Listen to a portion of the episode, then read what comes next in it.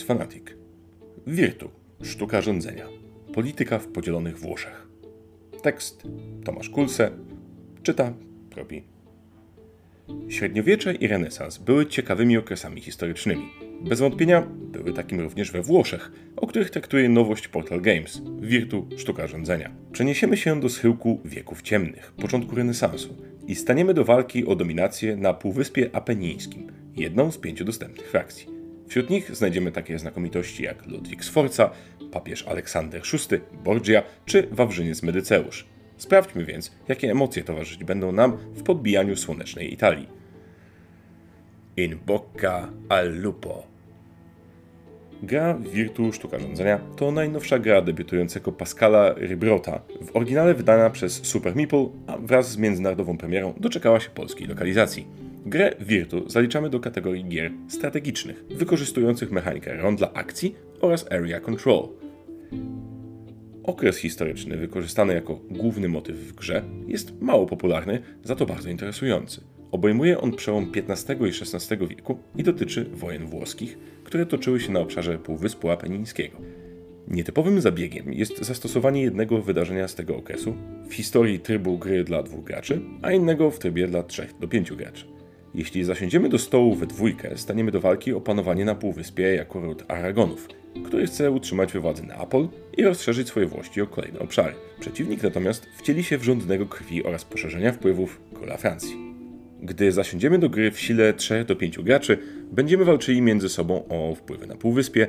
Duże znaczenie odkrywać będą również patronaty, które wpłyną na poziom prestiżu danego regionu.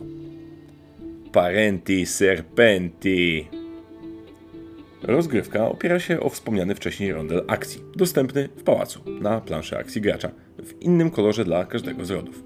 To właśnie w kuluarach pałacu będą zapadały kluczowe decyzje odnośnie naszych włości.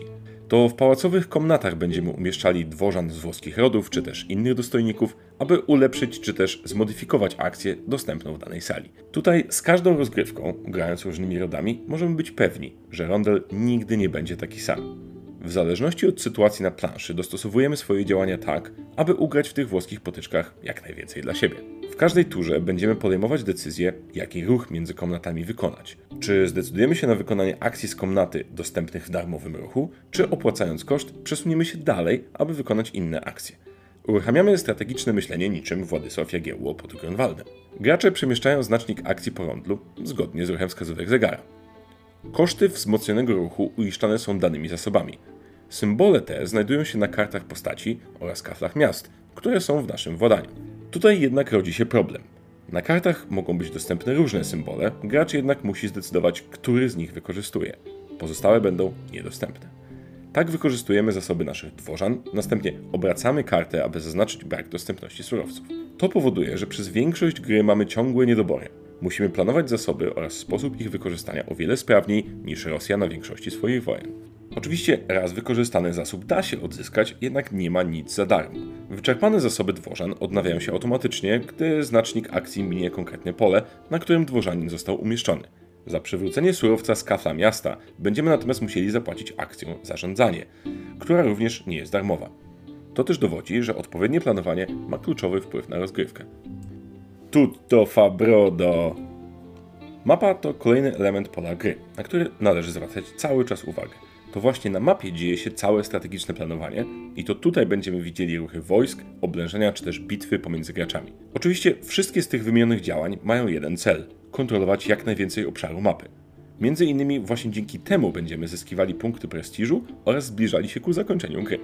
Zakończenie gry może nastąpić w kilku przypadkach. Jednym z nich jest kontrolowanie 8 miast przez jednego z graczy.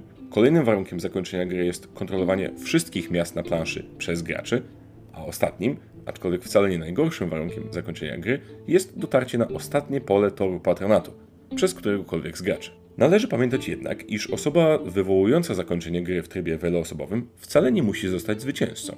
Tutaj największe znaczenie mają zbierane przez całą grę punkty prestiżu. Farduna Mosca un elefante. Punkty prestiżu zdobywać będziemy w dwóch występujących w grze fazach, następujących po sobie jak dzień i noc. Będą to fazy wiosny oraz zimy. Wiosną aktywują się nasi dworzanie i wykonujemy akcję rondla z aktywnej w danej rundzie komnaty. W trakcie wiosennego przesilenia może nam też być dane rozważać oblężenie, ale to nie musi być częste. Wiosna, jak to bywa w naturze, mija szybko i przechodzi płynnie w lato. W Virtu sztuka rządzenia będzie jednak podobnie jak Viticulture i przejdziemy do zimy. Ta faza gry zajmuje nam zdecydowanie najwięcej czasu. Właśnie zimą zajmiemy się reorganizacją naszego pałacu, rozważymy sojusze, jeśli będziemy dysponowali funduszem, zakupimy karty dworzan, tytułów czy zrekrutujemy wojska. Z reguły jednak na wiele nas nie stać, więc po co sobie zaprzątać tym głowę? Przynajmniej w początkowych rozgrywkach. Reorganizacja pałacu to natomiast akcja niczym remont. Tutaj też nic nie przyjdzie nam łatwo. Będzie to czynność rozłożona nawet na kilka rund, w zależności którego dworzanina dokąd chcemy przemieścić, biorąc oczywiście pod uwagę dostępne zasoby. Instrukcja do Wirtu Sztuka Rządzenia określa reorganizację pałacu tak, że głowa paruje, przynajmniej na początku. Przyprawia to czasami o spory ból głowy i często się z tego rezygnuje. Mogę jednak stwierdzić, że wraz z biegiem czasu, z kolejnymi rozgrywkami, pojawia się na to chęć i używa się reorganizacji częściej. Tutaj można lekko sparafrazować powiedzenie easy to learn, hard to master na hard to learn, even harder to master. Jednak przyjemność z gry pojawia się po czasie, ale może to tylko moje odczucie. La grande bellezza. Patronat w grze można potraktować jako wyścig. Jako, że jest to jedna z metod na zwycięstwo, trzeba by zapytać dlaczego. Wszystko oczywiście wynika tutaj z historii. Mowa tu o podejściu i traktowaniu rzeźbiarzy czy też malarzy w tamtym okresie we Włoszech. Dzięki możnym tamtych czasów, w tym papieży, byli oni na piedestałach i mieli znacznie lepsze życie niż ich koledzy po fachu w innych europejskich krajach. Właśnie tutaj chciałem wspomnieć o asymetrii dostępnych rodów w grze.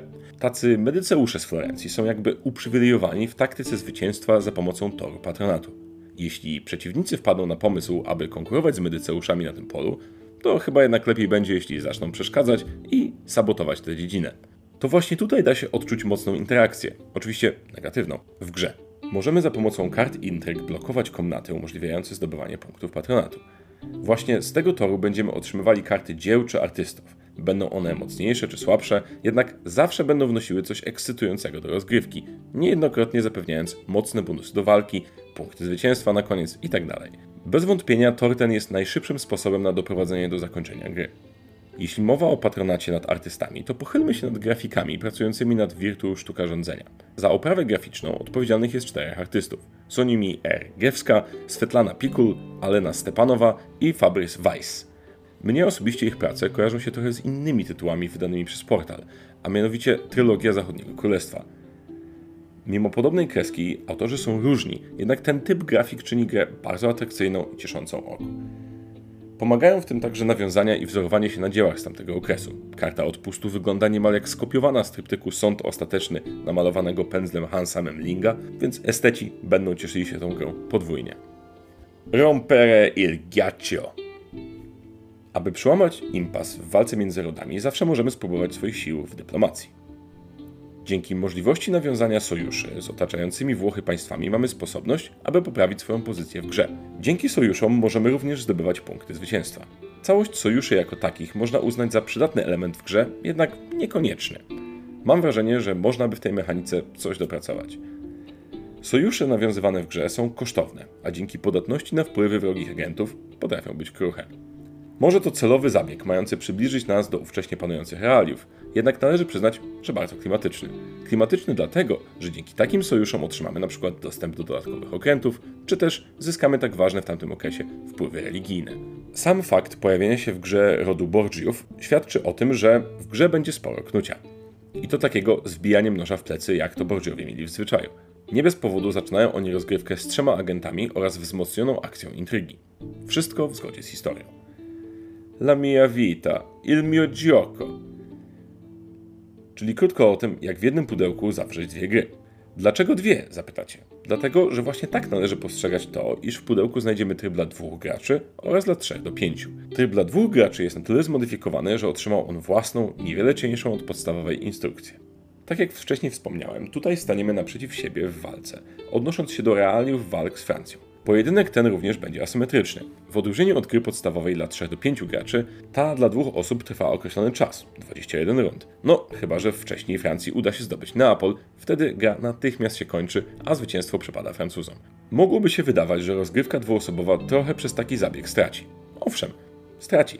z napięcia oraz wyścigu na torach postępu. Bez większego sensu w tej rozgrywce będzie też akcja patronatu i korzystanie z kart patronackich. Również sojusze z sąsiednimi mocarstwami zostały zastąpione przez planszę wpływu. Na planszy tej rywalizacja toczyć się będzie o wpływy i sojusze z włoskimi miastami, które w grze wieloosobowej są rodami Florencją, Rzymem i Wenecją. Można uznać, że działa to trochę jak tor militarny w Siedem Cudów Świata pojedynek. Działamy tutaj przyciągając wpływy na swoją stronę. Jest to zabieg, który idealnie wpisuje się w ten klimat. Tryb ten dzięki wprowadzonym zmianom, między innymi w wypłacie żołdu, sprawdza się nadspodziewanie dobrze. Między innymi dlatego, że więcej już tutaj dzieje się militarnie. Ale mimo tego można tę wersję rozgrywki potraktować bardziej jako uprawianie polityki. Nieustanna walka agentów i dyplomatów działa na plus. Virtu sztuka rządzenia w trybie dla dwóch graczy to mimo wszystko bardzo dobry wariant, w którym będzie całkiem sporo myślenia i kombinowania.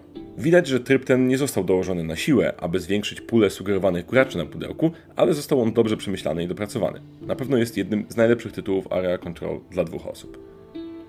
Piccola scintilla, può bruciare una villa. Czy można sobie wymarzyć bardziej udany debiut? Jeśli Pascal Ribro otrzyma poziom projektowanych tytułów, jego gry na pewno częściej będą trafiały do portfolio znaczących wydawnictw. Najprawdopodobniej już w przyszłym roku ma ukazać się jeszcze jedna gra jego autorstwa, East India Companies, jednak informacje nawet na Board Game Geek są póki co zdawkowe. Przejdźmy jednak do podsumowania Wirtu Sztuka Rządzenia. Gra ta, mimo swojego stosunkowo podwyższonego progu wejścia, potrafi zaskoczyć i dostarczyć masę frajdy. Temat wybrany jako motyw przewodni gry jest dobrany wprost idealnie.